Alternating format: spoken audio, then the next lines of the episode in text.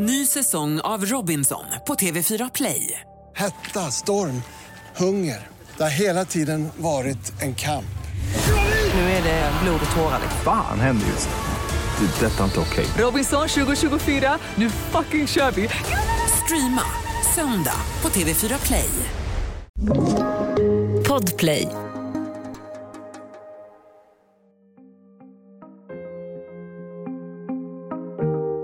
Församlingen i Livets Ord i Uppsala skakar Sverige. Medlemmarna talar i tungor och driver ut djävulen. Och pastor Ulf Ekman predikar att svårt sjuka kan botas med bön. De flesta som söker sig till Livets Ord är vuxna. Men Talia Pollak hamnar där som barn. En uppväxt fylld av andliga strider och historier om onda andar kommer påverka Talia för livet. Men också göra henne till fantasyförfattare. Det här är Jag var där, en dokumentär från Podplay av Andreas Utterström och Mattias Bergman. Hela säsong 5 finns att höra på Podplay. Om du lyssnar på en annan poddplattform får du nytt avsnitt varje onsdag.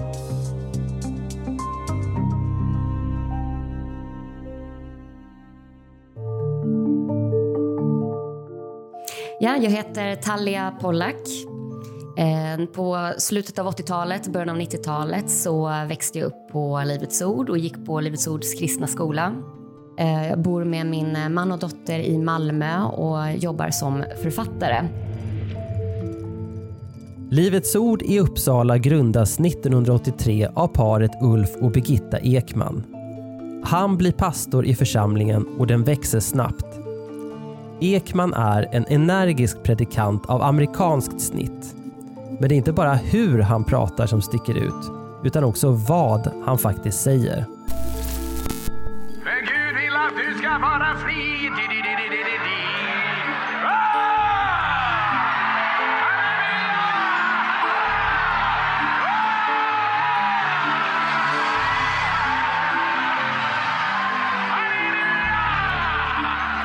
Halleluja! Så låt oss tro Gud om en rejäl dos av den heliga Ande. Ulf Ekman predikar om saker som andens svärd, frälsningens hjälm och ondskans andemakter.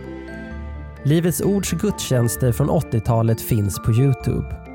Och att se dem väcker många minnen hos Talia. Vad är det vi ser här nu? om några år Det är Ulf Ekman som pratar och sen så, ja det här är precis den här tiden.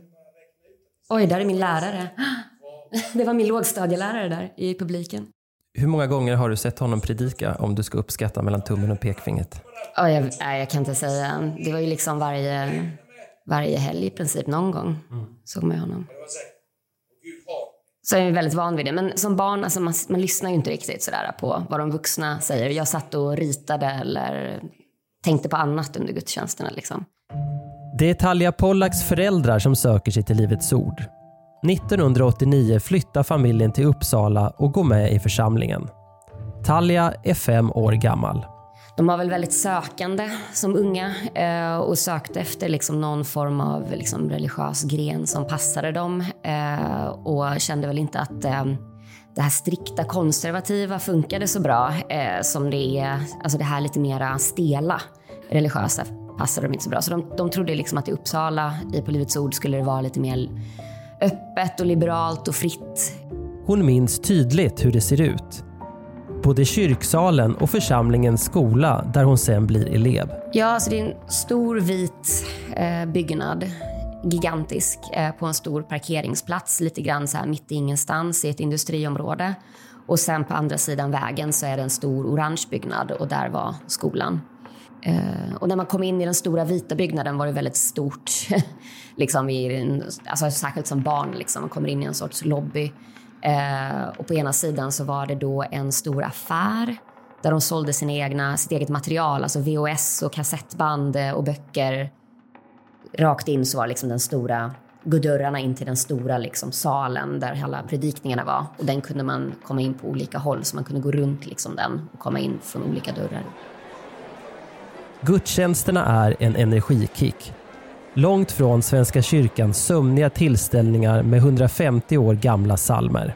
Ja, det var ju ofta väldigt alltså, lång tid av lovsång började med. Och sen så var det en, en eller flera som pratade och predikade och så var det en massa lovsånger igen. Det var ungefär så det var. Och, och så långa stunder av, av eh, eh, tungotal. Jag tyckte ju mest att det var lite tråkigt liksom. Eh, men man observerade ju hur andra betedde sig och det var ju liksom en, fanns ju någon sorts hierarki i hur, hur olika vuxna betedde sig. Alltså att vissa liksom skrattade och grät och hoppade och studsade och liksom kastade sig runt och blev helt så här, ja men betedde sig som vissa som galningar liksom. Och många av dem såg som väldigt så här, man blev väldigt respekterande kring dem liksom, för de hade verkligen anden i sig. Medan min pappa var aldrig sån, och min mamma inte heller. Och, utan min pappa kunde sitta på första raden och nicka till ibland liksom, och somna och sånt där. Och man fick liksom puffa på honom lite för det blev lite pinsamt. Så att han var liksom inte den som var, ansågs vara den bästa kristna, liksom, den bästa i den eh, hierarkin. Jag och min pappa är väldigt lika, så vi, vi hade en bra, väldigt bra relation vid den tiden och kunde skoja om de här sakerna. Men det som kanske sticker ut mest i Livets Ord är världsbilden med kampen mellan ont och gott i fokus. Den som inte är frälst och har ingått ett andligt kontrakt med Gud hamnar i helvetet. Så det finns inget viktigare än att man står på rätt sida och visar det. Eh, om man då, tungotalet var ju liksom ett språk som bara änglar och de goda förstod. Så att om man om man bad i tungor, då var det bara änglarna som förstod det och kunde komma till hjälp. Eh, och eh, demon, man liksom bröt sig igenom den här väggen av demoner som försökte stoppa en. Eller... I Ulf Ekmans predikningar så var det inte ovanligt att han pratade väldigt uttryckligen om Gud och djävulen. Hela den retoriken, hur uppfattar du den som barn?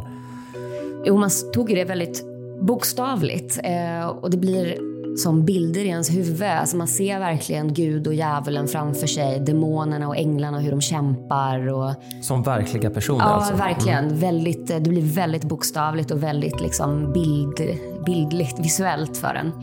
Det var väldigt mycket demonhistorier eh, på Livets Ord som gick runt. Vad är en demon då, för dig under den här tiden? Um, mm, demonen är ju liksom djävulens hjälpare.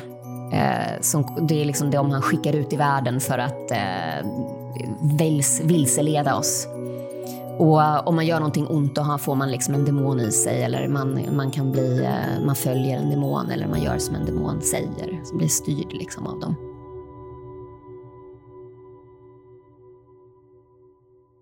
Trodde du någon gång att du hade en demon i dig? Ja, det fick jag nog uppfattningen om ibland. Och det gjorde mig jätte, jätterädd, för jag var extremt rädd för demoner, eh, just på grund av de här historierna. Kommer du ihåg några? Jo, jag kommer ihåg dem jättetydligt. Det var en demonhistoria om en kvinna som vaknade upp vid varje tid samma natt, eh, klockan tre på natten. Och så tittade hon runt och så somnade hon om. Och sen till slut en natt när hon vaknade samma tid igen, då såg hon att det var en demon i rummet och, eh, som stod där. Och då bad hon så här, aha, det är du som har väckt mig varje natt. Nu ska jag... Och så bad hon bort den demonen och, eh, och sen försvann det och så kunde hon sova gott igen. Vissa spreds barn emellan, eh, men vissa vet jag att jag hörde från vuxna också. Att det var en som jag tyckte var den läskigaste var just en vuxen som berättade att den var ute och missionerade någonstans, jag tror det var ett afrikanskt land liksom. Och så bad han vid något tillfälle eh, och så tänkte han ner handen och så kände han håret på en osynlig demon i sin hand framför sig. Skräckfilmer skrämmer ju mig aldrig för att det här var ju mycket, mycket mer skrämmande när jag växte upp. Liksom, att ha de här väldigt visuella bilderna av verkliga övernaturliga saker som fanns runt omkring en hela tiden och hotade att komma in. Men gjorde det här att du hade svårt att sova till exempel? Ja, absolut. Jag har haft sömnproblem hela mitt liv. Det har jag fortfarande. Jag vet inte om det beror på det, men jag hade väldigt svårt att sova. Jag hade många rädslor. Jag var jätterädd för mörkret. Ehm, jag fick eh, ja, eh, hitta på massa tricks för att liksom eh, lugna mig själv när jag skulle somna, för att jag inte skulle bli rädd för att det skulle komma in någonting genom fönstret och sådana saker. Men till en början är allting bra. Talia och hennes familj trivs i Livets Ord. Extra förtjust är hon i pastorn.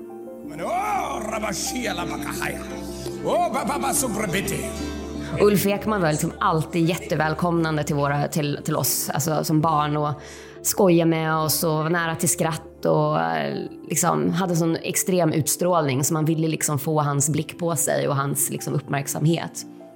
Jo, men han var ju, han var väldigt, alltså hade en sån extrem utstrålning och pondus och glädje. Liksom. Och man ville verkligen vara i hans närhet för att han var alltid så glad och, och skrattade och liksom kunde verkligen se en.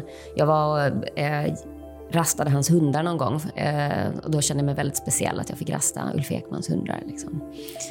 Vad tänker du om honom som talare idag, nu när du har vuxna ögon och öron? Ja, men han är ju jätteduktig. Det är väl, han är väldigt bra på det han gör. Eh, och har hela den här karismatiska liksom, eh, utstrålningen. Och... Hörre, vi har knappast börjat!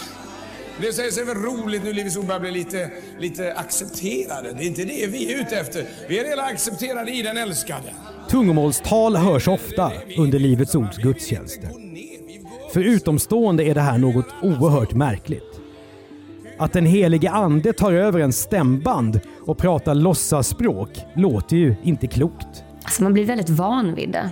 Man ser det inte som så konstigt. Det fanns ju liksom olika nivåer av det. Och jag vet inte, man reflekterar nog inte så mycket över det just då.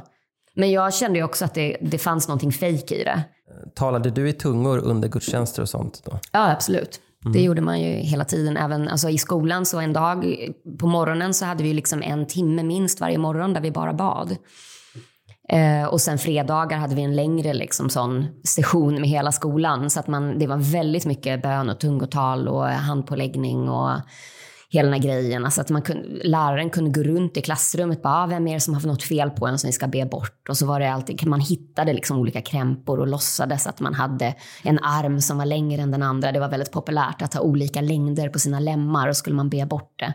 Och jag kommer ihåg min lärare kollade på händerna och sa, ah, nu, nu, kämpar, nu kämpar de i andevärlden här. Nu är det demonerna och änglarna som kämpar mot vem, vem ska vinna. De, de liksom, hon sa att hon såg hur armarna växte och ändrade sig.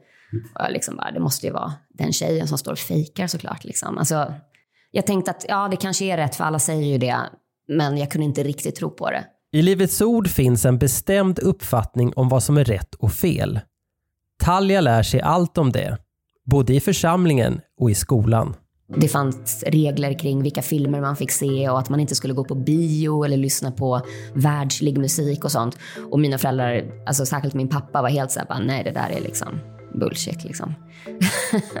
så vi, vi fick liksom kolla på, när Aladdin kom då på 90-talet eh, var ju det väldigt så här, eh, fel för det var, en, det, det var liksom demoniskt och sånt med ande i lampan och såna grejer. Eh, men vi köpte den på VHS och hade den och varenda gång vi hade Livets Ord hem till oss så gömde vi den VHSen. Så att jag visste ju liksom att jag... och så var det någon gång någon som råkade se och blev väldigt så här negativ till, till, till, till oss. Liksom. När, när vi började på mellanstadiet så fick vi ganska många förhållningsregler som var väldigt strikta. Alltså de blev lite striktare i skolan med hur vi skulle bete oss och vad vi fick ha på oss och sånt. Och där var de också så här, ja låt bli att ha det i skolan då, men du får ha det i vanliga fall. Alltså hemma och på sommarlov och sånt där. Man fick inte ha kepsen bak och fram till exempel, för det var upproriskt. Som barn hanterar Talja och hennes bror de tydliga reglerna på helt olika sätt. Min storebror som vi växte upp i princip som tvillingar, han eh, passade in väldigt väl. Eh, och tog, tog in allt det här liksom, mer än vad jag gjorde. Medan jag tog det lite grann med en nypa salt och kände lite grann att jag kunde genomskåda vissa saker redan från början. För Talja är Jesus mer än en historisk person man läser om. Han är verklig. Så, så vem tänker du att Jesus är när du är 9-10 år? Ja, alltså jag, man skulle ju ha en personlig relation till Jesus. Det var mycket så här, gå in på din kammare och be, var någonting som de eh, präntade in i en väldigt ofta. Jag såg Jesus som typ en kompis som alltid var med mig. Eh, och det var en sorts trygghet. Och den här rösten som jag hela tiden pratade med, som jag såg som Jesus, den liksom så småningom när jag slutade tro på det där så omvandlades det till en röst som var mig själv. Att jag har pratat med mig själv hela tiden. Det är jag själv som har gett mig själv styrka att klara av saker. Det är jag själv som har peppat mig själv och gett mig själv trygghet. Och det gör ju, skapar istället en stor eh, självständighet och ett stort tillförlit till mig själv. Att jag, jag och jag och jag, me, myself and I, klarar av det här. Ny säsong av Robinson på TV4 Play. Hetta, storm, hunger. Det har hela tiden varit en kamp. Nu är det blod och tårar. Fan händer just nu. Det. är Detta är inte okej. Robinson 2024, nu fucking kör vi! Streama söndag på TV4 Play. Ett poddtips från Podplay.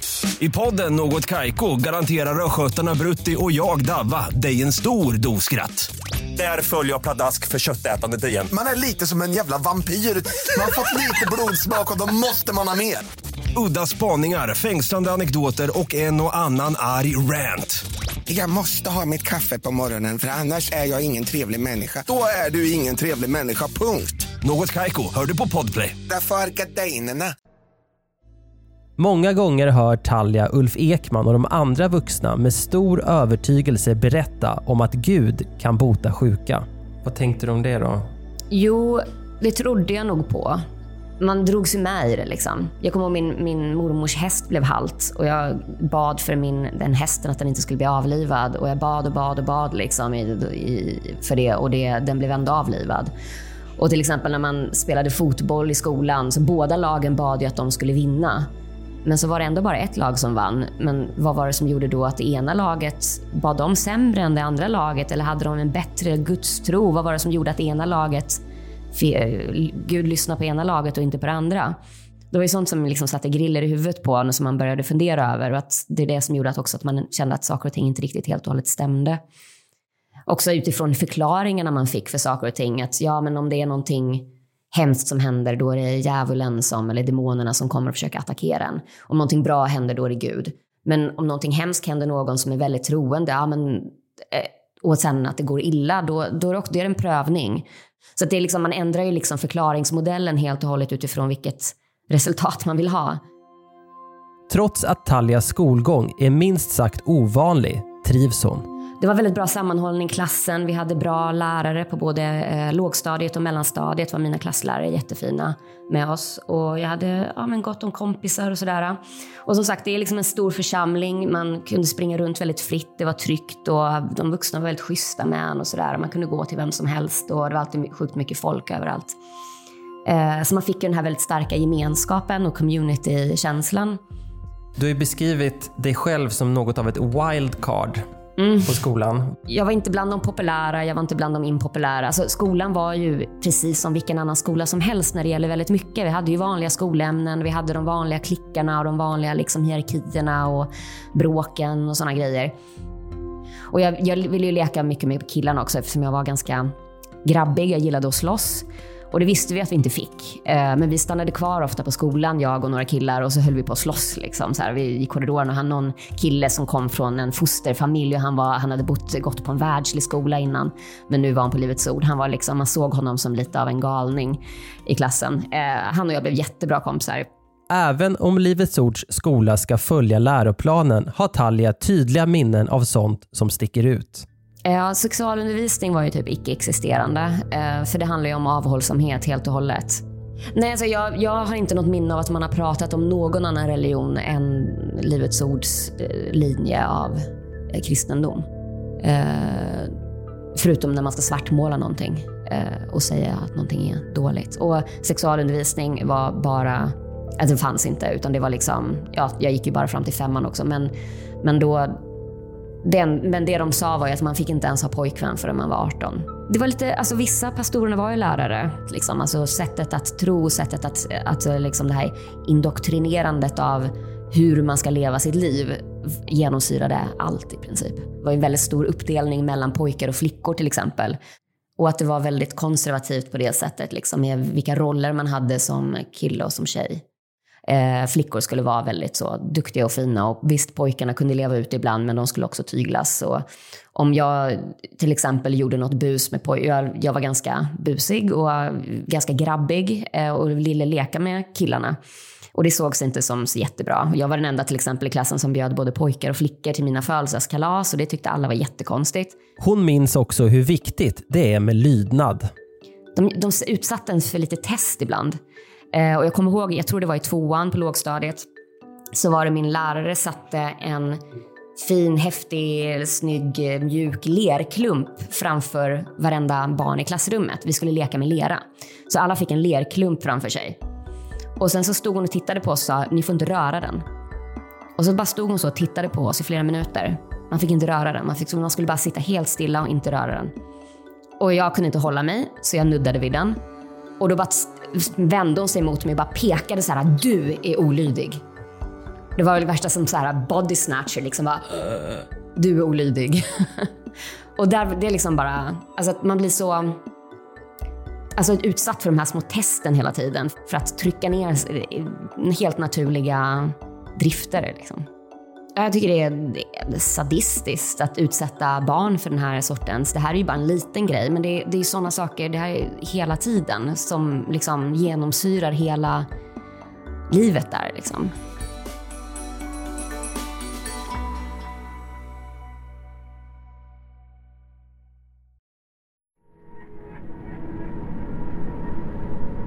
Åren kring 1990 rapporterar svenska medier allt oftare om Livets Ord. Och när artisten Carola går med i församlingen ökar intresset ytterligare ett snäpp. Inte minst för att hon ibland låter så här. Vad står det? Det står att vi ska korsfästa vårt kött. Det är underbart med korrigering.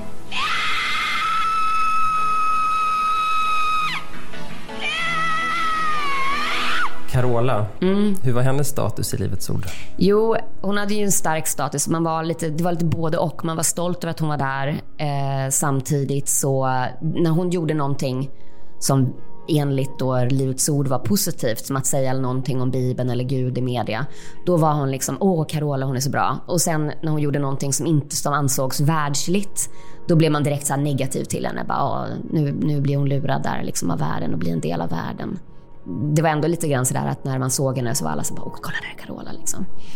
Men min mamma jobbade med henne ett tag. Så att vi lärde ju känna Carola och liksom var hemma hos henne och hon var hemma hos oss och liksom blev vänner med henne. Och då blev det liksom, jag var den enda på skolan som liksom hade en sorts relation till henne. Så att direkt det var någonting om Carola så kom liksom alla klass, äh, andra barn fram till mig och liksom, ja så det där Carola sa eller gjorde, det tycker inte vi är bra, det borde du hälsa henne. Och jag bara liksom, jaha, skiter väl jag i liksom vad ni säger. Eh, eller när hon klippte sig och till korthårig, det, tyckte, det, var, det, var, det var inte bra. Liksom. Och då sa de till mig, det måste du säga till henne att hon inte ska ha. Liksom. Hon ser ut som en pojke. Men för mig var det bara positivt. Alltså, Carola är, var liksom super, super snäll. Också extrem utstrålning liksom. Och så glad och så snäll med barn. Det här var ju liksom när hon var liksom på toppen med Eurovision och alltihopa. Men det här att, att Carola är medlem, det bidrar ju till att medierna blir väldigt intresserade av Livets Ord mm. under den här tiden. Framförallt kvällstidningarna är ju väldigt kritiska och de, eh, de berättar, de intervjuar avhoppare som är väldigt kritiska och eh, det ena med det tredje. Var det här någonting som du uppfattade? Eh, nej, det visste man. Vi som Livets Ord var kritiserade av omvärlden, att vi hade liksom världen mot oss. Och det är det, man fick liksom den här bilden som barn att hela världen var emot oss, alla andra har fel och vi har rätt. Nu kommer Taljas och familjens tro att ställas på prov. Kan Gud verkligen bota sjuka? Ja, alltså min lillebror blev väldigt sjuk när han var två eh, och var på sjukhus och skulle opereras och det var, han kunde dö. Och då var det liksom, vi bad, hela Livets Ord bad för honom bö, tungotalbönen, liksom, för att man verkligen kommer in i det. Och det, det, är också, det finns ju någonting med det här kollektivet, när alla liksom håller på. Det finns ju massa terapiformer som är exakt sådana här tolvstegshealing till exempel, påminner jättemycket om det. Eh, så där gjorde jag verkligen det. Ehm, jag vet inte, det kanske är delvis hälsosamt, men, men han överlevde och klarade sig. Men sen så var det ju en en, en, en flicka i min klass, hennes mamma dog i cancer och vi bad lika mycket för henne men hon överlevde inte. Och då liksom, vad, vad är det som bestämmer det ena och det andra? Och så kommer de alltid med någon förklaring. Alltså man får alltid förklaringar. Talia leker nästan bara med andra kristna barn. Jag hade en kusin i Stockholm som inte, som inte var religiösa. De var lite av en, eh, en öppning utåt. För att vi, vi är ju uppvuxna med att tro att då de kommer till helvetet. Att hela tiden ha det i huvudet att människor man träffar och man tycker om som inte då är Livets Ordare ska hamna i helvetet. Det blir en väldigt så här... Det är svårt att få ihop i huvudet. På vissa sätt står familjen lite vid sidan av Livets Ord ändå. De gillar till exempel inte att vara ute och knacka dörr för att frälsa förtappade själar. Men blev lite tvingade till det. Eh, Men jag föll aldrig med på det, för jag tyckte det var obehagligt. Jag var på ett sånt här Ja till livet eh, demonstration i Uppsala. Alltså anti-abort Mm. helt enkelt. Precis. Det var en väldigt het fråga. Det är väl fortfarande med ab- abort, väl fortfarande inom religiösa kretsar. När vi gick i det här tåget, människorna som gick förbi kunde skrika åt den liksom, och skrika glåpord och svära åt den och kasta ägg och grönsaker på den och sånt där. Det var ju massa, massa barn i de här tågen och vi blev ju väldigt så utsatta i det läget. För att vi, det var inte så att vi valt att vara där direkt och ja, det var jätteobehagligt. Min mamma vägrade gå efter det på någon demonstration. Hon tyckte också det var jättehemskt. När vanliga då, icke Livets Ordare betedde sig på det här viset, då bekräftar ju det också bilden som Livets Ord försöker trycka in i en, att resten av världen är hemsk och ond. Eh, vi hade till exempel en, en tant på, granntant liksom, på, där vi bodde i, i Uppsala, som typ kunde skrika åt oss jävla Livets Ordare och svära och sådär. När mina föräldrar gick där med fyra barn. när jag gick runt, när jag bodde i Uppsala och gick runt och såg liksom andra barn som, med föräldrar som hade kanske tatueringar eller ring i örat eller liksom konstiga frisyrer. Då tänkte jag liksom direkt bara, ah, de där barnen, stackars de barnen, de, är säkert, de kommer hamna i helvetet, de är säkert misshandlade. För det var den bilden man fick, att allt annat utanför är bara hemskt och hotfullt. Jag tänker stackars barn som hamnar i helvetet, men det var ju typ stackars mig som tror på helvetet. De onda makterna gör sig också påminda på andra sätt. Jag har något minne av att allting är, vi är, vi är vid någon form av, jag, alltså min, att min familj och en annan familj är ute någonstans i Uppsala eller vad det är för någonstans och är på någon sorts karneval kanske eller eh, Ja, och det, det är några husvagnar där, där, det, där det ska vara, de säger att det finns spågummor där inne, eller det är häxor där inne säger de. Och jag antar att det är någon form av spådomstanter liksom, som sitter där eller gör någonting. Så då stod vi där utanför de här husvagnarna och skulle be, be bort de här häxorna. Eh, och då blir det ju väldigt levande för man bara, där inne i den där husvagnen sitter det en häxa. Och det blev väldigt spännande. Alltså, det är jätteläskigt men också väldigt spännande. Var häxan också djävulens hantlangare precis som demonen? Ja, precis. Trots att hon bara är ett barn börjar Talia steg för steg ifrågasätta Livets Ords lära. Det är så mycket som är konstigt som hon inte får ihop och som dessutom får henne att må dåligt. Kan det då vara rätt? När man väl har börjat spricka hål lite grann sådär på vissa saker, då kan man börja ifrågasätta ganska mycket. Så jag, ett exempel är att när jag gick i tvåan så hittade jag på en lek. Jag vet inte alls var den kom ifrån. Men jag började jaga pojkarna i min klass eh, och eh, hotade med att jag skulle pussa dem. Och det tyckte jag var jätteroligt. Jag, jag tror inte det var någon sorts sexuell nyfikenhet direkt i det, utan det var framförallt lite så här maktkänsla och bara liksom roligt att jaga dem. Och killarna i klassen var ganska mycket med på det också och tyckte det var roligt. Men sen gjorde jag då misstaget att jaga någon annan från en annan klass som blev sur och gick och skvallrade. Och då kom det fram då liksom att jag jagade pojkar och försökte pussa dem och fick ett allvarligt samtal med de här, um, mina lärare. Och då bara tänkte jag snabbt liksom att ja just det, vi pratade om Jesu kärlek i morse. Och då sa jag, ja men det var för att vi, vi pratade om Jesu kärlek jag ville bara sprida Jesus kärlek. Liksom. Och jag visste att jag ljög. Och min, min lärare tyckte det lät jättefint och var verkligen så här, åh det är för fint och tänkt av dig. Men det är fel, så ska man inte göra liksom. Så, så redan här då, åtta år gammal eller vad man nu är i tvåan, så förstår du lite hur spelet ska spelas här låter. Ja, precis. Man lär sig ju liksom hur det funkar. Och det här är vad, vad man kallar på Livets Ord för en ögontjänare. Det, det var de som gjorde saker i det dolda, men inte riktigt, men visade ett bra yttre. Och det klarade jag mig liksom ganska bra på. Att, att inte visa, det handlar inte om att gömma någonting, det handlar om att försöka att inte visa vem man egentligen är. Och att allting som är liksom som man är och som är ganska naturligt i en fick, behövde man trycka ner för att det var fel. Så någon gång på lågstadiet så, eh, eh, så var vi hemma hos eh, min kusin som då inte, den familjen var då inte religiös. Och det var liksom vår enda lilla fönster ut i världen lite grann när jag växte upp. Och vi fick låna deras hus medan de var någon annanstans. Och jag bodde då i hennes rum i några veckor och då hade liksom inte mina föräldrar vettat det rummet riktigt och tagit bort dåliga influenser. Så att det fanns ju eh, Berts dagbok fanns där på hyllan som var helt förbjudet. Sune och Berts dagbok var jätteförbjudet för det, de pratar ju liksom om kärleksrelationer mellan barn och sexualitet och sånt där eh, på något sätt. Alltså det, det känns ju extremt eh, naiv, milt nu när jag ser, ser de berättelserna. Men det var väldigt kontroversiellt i polisord.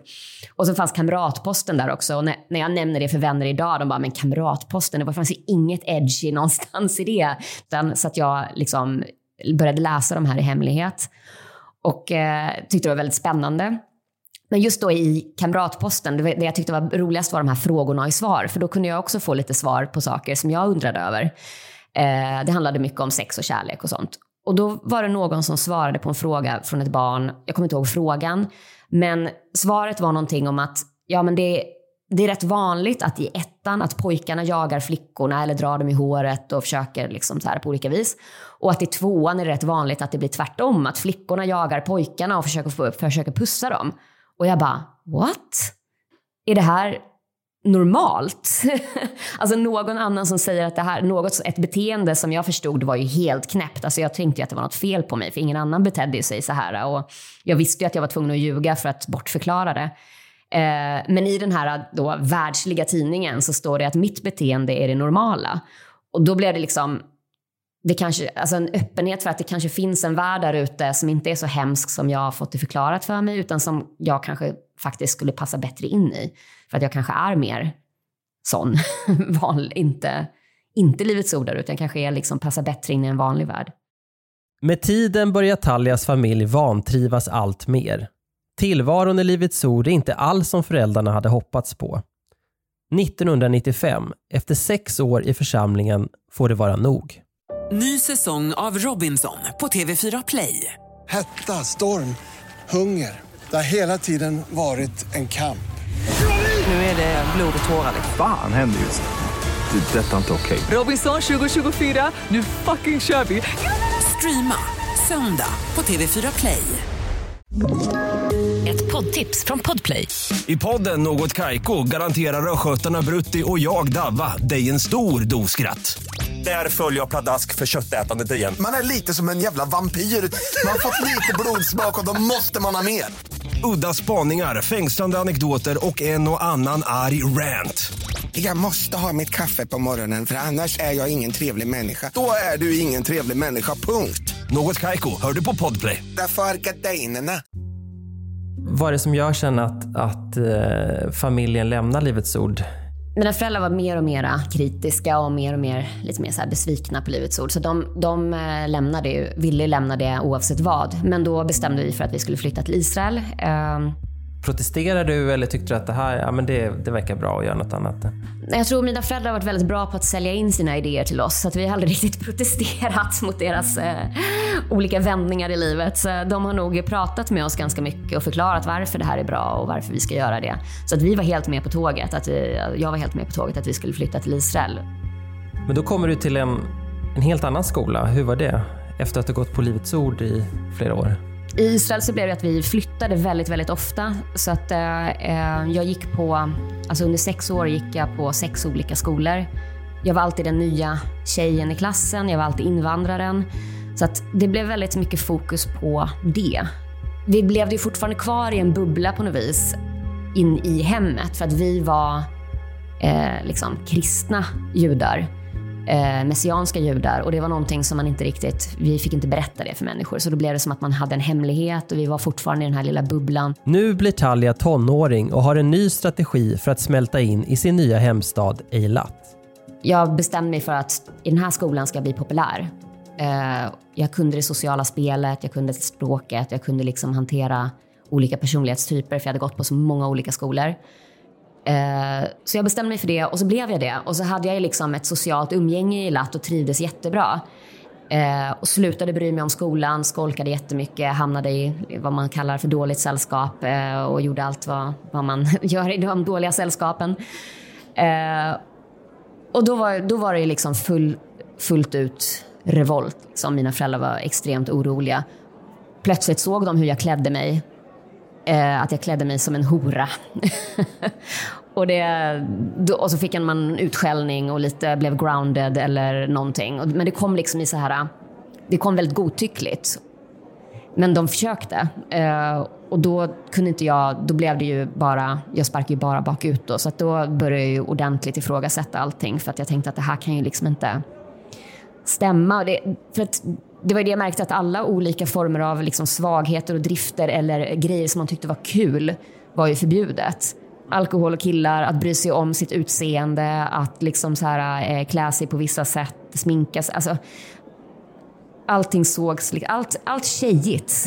Allt som tjejer kan tänkas vilja göra, eh, tänka och eh, ja, skulle ju tryckas ner och eh, stävjas. Liksom. Så att jag, jag kände ju verkligen som att jag var liksom uppvuxen med någon form av bojor runt mig hela, hela tiden som jag hela tiden försökte liksom bryta mig ur.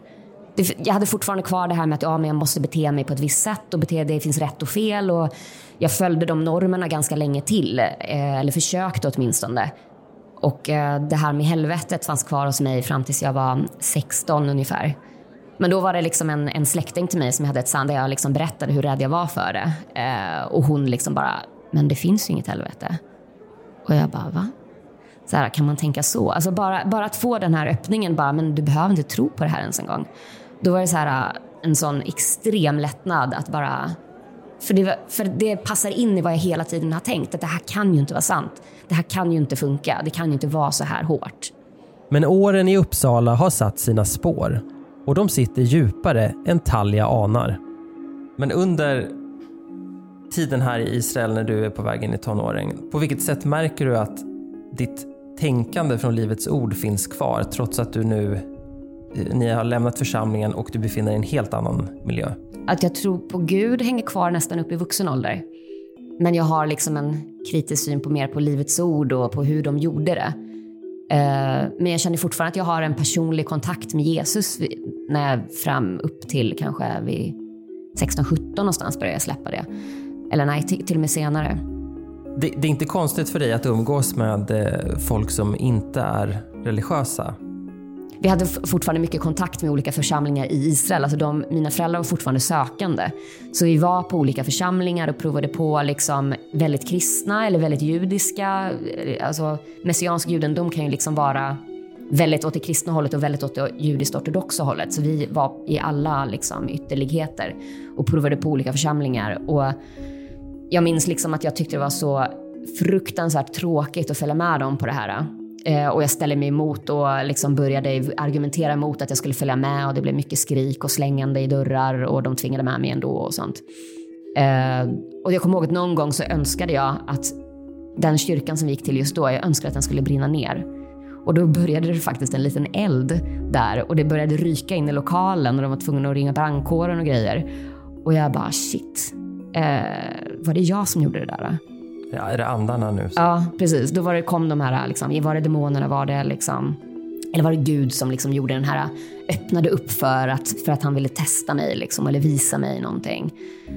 Eh, och samtidigt trodde jag inte riktigt på det längre. För Talja är det här en tid av förvirring. Något som många känner igen från sin tonårstid.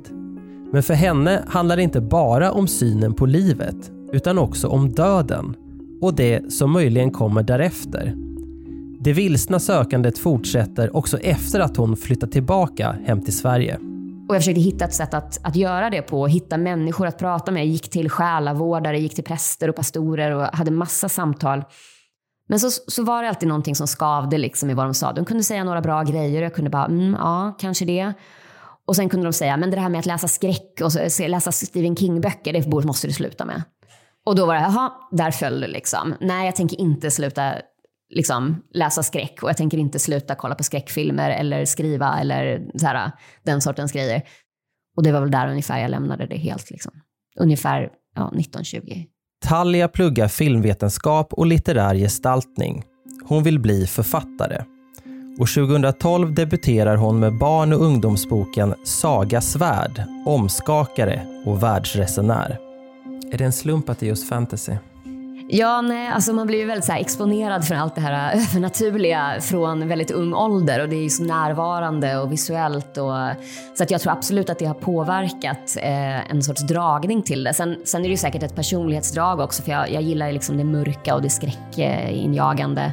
när jag väl bestämde mig för att jag skulle satsa på författarskapet och skriva en roman, då var det den idén som jag högg tag i först, om en flicka som då reser mellan olika världar.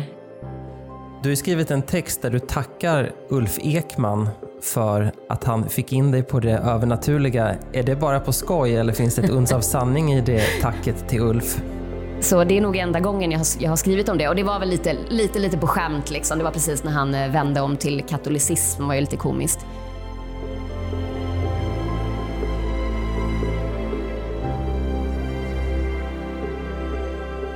Att barndomsåren i Livets Ord har påverkat Talja står klart. Men hur är svårare att säga. Sen är det svårt att separera de här liksom, erfarenhet med personlighetsdrag. Och vad, vad hade, jag varit, hade jag varit författare trots, även om jag inte hade gått på Livets Ord eller flyttat till Israel, det vet jag inte. Eh, jag kan inte liksom föreställa mig vilken människa jag skulle varit, varit utan den här eh, knäppa uppväxten. Betyder det att det är en erfarenhet som du inte skulle vilja ha ogjord? Nej, jag skulle nog inte ha det ogjort.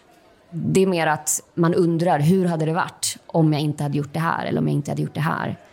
Om vi inte hade flyttat, om vi hade stannat på Livets Ord eller om vi hade flyttat eh, någon annanstans i Sverige och inte till Israel eller... Före detta medlemmar i Livets Ord kan i efterhand bli väldigt bittra. Men Talja är mer nyanserad än så. För allting var inte dåligt under de där åren i Uppsala. Men idag när du är vuxen och har lite perspektiv, när du tänker tillbaka på de här sex åren i, i Livets Ord, vad, vad är det som har varit positivt som du har tagit med dig? Jag tror att, att komma i kontakt med många existentiella frågor redan som ung har ju liksom fött ett intresse för de frågorna. Samtidigt är hon väldigt kritisk till Livets Ord. Inte minst när det gäller hur pastorer och lärare pratade med henne blivit påtvingade ett eh, hemskt system och en hemskt sätt att tänka. Att växa upp med en, en levande och bokstavligt hot om helvetet är ju liksom inte hälsosamt. Liksom massa olika hotfulla scenarier som är baserade på bibelord. Eh, och det är ju svårt att för ett barn att mottol mottolka något sånt. Jag, jag tror en av de främsta grejerna som jag tycker är negativt är det här att man aldrig har fått några verktyg för att hantera världen, verkligheten. Att man inte fått några guidelines i hur man ska leva. Att man får liksom lära sig allting den hårda vägen. För att det, all, det handlade ju liksom att säga nej till allt. Att avskärma sig från allt och avhålla sig från killar och sex till exempel. Eller eh, eh andra sexuella läggningar eller eh, ja. Alltså särskilt som ung tjej ska man ju liksom skyddas och det fanns liksom ingen tillit till att jag skulle kunna klara av någonting själv. Om man bara fick lite verktyg på vägen skulle man ju kunna göra det, men, men man fick bara en massa förbud. Alltså man vill inte vara ute sent på kvällen, inte träffa killar, inte klä sig utmanande eller bry sig om sitt utseende överhuvudtaget. Man fick inte ha någon sexualdrift. Det låter ju nästan som en hederskultur som du beskriver. Jo, men precis. Det, det känns ju verkligen som det. det. Jag känner igen jättemycket när man läser om hederskultur. Att eh, det är liksom pappan och bröderna som ska ta hand om eh, döttrarna och systrarna och hålla dem i schack. Men det, det som är farligt i det här, som jag ser, är att den här kritiken av omvärlden, den är ju befogad. För det finns ju, alla de här sakerna finns ju. Men liksom lösningen är ju liksom inte då att, som jag har kommit fram till utifrån hur jag vuxit upp, är, alltså då ser jag inte lösningen som att, att man ska avskärma sig från det. För vad man gör är ju liksom att avskärma barn från omvärlden eh, istället för att liksom försöka jobba på att förbättra världen när man blir vuxen så väljer man ju någonstans. Man kan inte hålla på och skylla på andra hela tiden. Ehm, men som barn är man ju, har man ju inte valt det. Man är ju totalt utsatt för vad föräldrarna har valt. Och då kan man reagera på så olika vis. Att jag, är liksom, jag tycker det är i princip barnmisshandel att tvinga barn att växa upp i en, ett system som är i samhällets periferi. För man blir liksom en misfit för alltid på något vis. Och jag, jag är liksom med i lite olika såna här grupper för före detta Livets Ordare eller före detta sektmedlemmar. Och de som, det ska ju vara liksom såna här äh, trygga zoner och där man kan prata om de här erfarenheterna. Men jag känner inte alls att det är trygga zoner. För att de, vilka är det som är medlemmar där? Det är ju liksom före detta Livets Ord, före detta förövare. Alltså de som var där och sa till en att man hamnar i helvetet och predikade det här för en. Och det, de tar liksom inte ansvar riktigt för det känner jag när, de, när vuxna pratar om hur de har blivit lurade och de har blivit manipulerade och intvingna i det här systemet. Men de var fan vuxna. De har valt det här och de har utsatt andra för det. Så det här betyder att när avhoppade Livets Ord-medlemmar ger intervjuer och framställer sig själva som offer, det klingar inte sant i dig då? Nej, det gör det inte. Då kan jag liksom bara, nej, no way liksom. Plötsligt ska vi bara acceptera gamla förövare för att de har insett att de har gjort fel. Jag har nog inga speci alltså så specifika personer som jag liksom har någon form av så här agg mot eller sådär, utan det är mer generellt. Ehm, men eh, jag tror absolut att många ville rätt eh, och ville hjälpa en och ville liksom ehm, göra någonting positivt, men att det blir fel. Jag ser alltså, psykisk eh, misshandel. Jag, jag, är ju glad att jag kom därifrån när jag gjorde det. Att jag var 11 när jag flyttade därifrån. För tonårstiden hade ju inte varit lätt om jag varit kvar på Livets Ord. Så att jag blev inte utsatt för det värsta. Men jag är faktiskt tillbaka och hälsade på en gång efteråt. Och så gick vi till något ungdomsmöte. Och jag mådde fysiskt illa. Alltså, för det var, det var liksom den som pratade just då. Och då handlade det om att man skulle bryta med alla ungdomar som drack alkohol eller hade pojkvän och flickvän eller gjorde de här, gick på, levde det världsliga livet. De skulle man bara bryta med. För det var dåliga influenser. Och jag bara tyckte att det kändes så jävla fegt. Alltså är inte religionen starkare än så att de kan tro på Gud fastän de umgås med människor? Att måste man liksom avskärma sig så mycket? När slutade du tro på Gud? Ja, långt in på vuxendomen har jag ändå, eller 20-årsåldern sådär, har jag ändå tänkt att ja, det kan ju finnas någonting. Om det finns så är det ju ingen som kan veta det, det är ingen som kan bevisa det. Eh, för annars hade någon bevisat det redan, det har man försökt liksom, i historien. Känner du dig fortfarande som en misfit? Ja, absolut. Men, men jag gömmer det väl. på, på, på, vilket sätt yttrar det sig då? Ja, vi hade, det var mycket som vi skulle hålla hemligt i familjen. Att vi var en del av det, men ändå inte riktigt. Och att man hela tiden var tvungen att försöka navigera i allt det här. Sen har jag väl dragit mig till den sortens olika misfits, liksom gäng av nördar av olika slag. Och, ja. Idag är hon ateist. Vuxna Talja är alltså en sån som flickan Talja, medlem i Livets Ord, hade sagt hamnar i helvetet. Idag är du gift och har en dotter som är sex år. Eh, det vill säga hon är nu i den åldern som du var i när du var medlem i Livets Ord. Ja, just det. Har det fått dig att påminnas om saker som hände i Livets Ord eller tänka mer på det för att hon är i den åldern nu? Det, när man tänker på hur jag ska vara med henne och hur, vad man ska lära ut och hur man ska uppfostra liksom ett barn så känns det inte som att jag har någonting att följa, någon mall att följa som var så som jag levde eller som jag växte upp. Utan det är liksom, man får börja från scratch på något vis. Vi har pratat, alltså Gud och sånt har ju kommit på tal eh, några gånger och vi har ju lärt henne att vi, är, att vi inte tror på Gud. Jag vill ju absolut inte vara rädd för att eh, exponera henne för religion. Jag tycker det är viktigt, alltså att vara expo alltså exponera för allt möjligt, eh, alla former av tankar. Så att jag vill inte skydda henne från religionen på något vis eller så här, tvinga henne att in. Men jag skulle aldrig ta med henne aktivt till en kyrka, även Svenska kyrkan eller något sånt där, för att jag får väldigt obehagliga vibbar av det. Så vad händer då när din dotter är 16 år och ska göra revolt och så kommer hon hem och säger till dig, mamma jag måste prata med dig om Jesus. den dagen, den sorgen.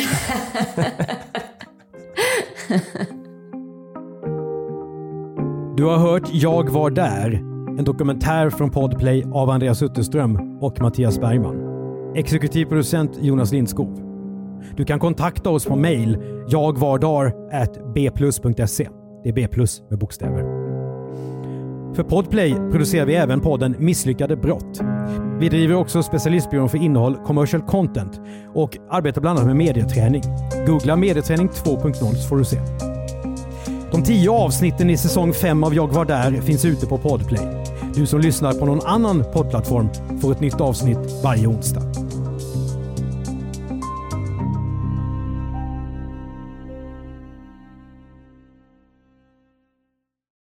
Ny säsong av Robinson på TV4 Play. Hetta, storm, hunger. Det har hela tiden varit en kamp. Nu är det blod och tårar. Fan händer just det. Det är detta inte okej. Robinson 2024, nu fucking kör vi! Streama söndag på TV4 Play.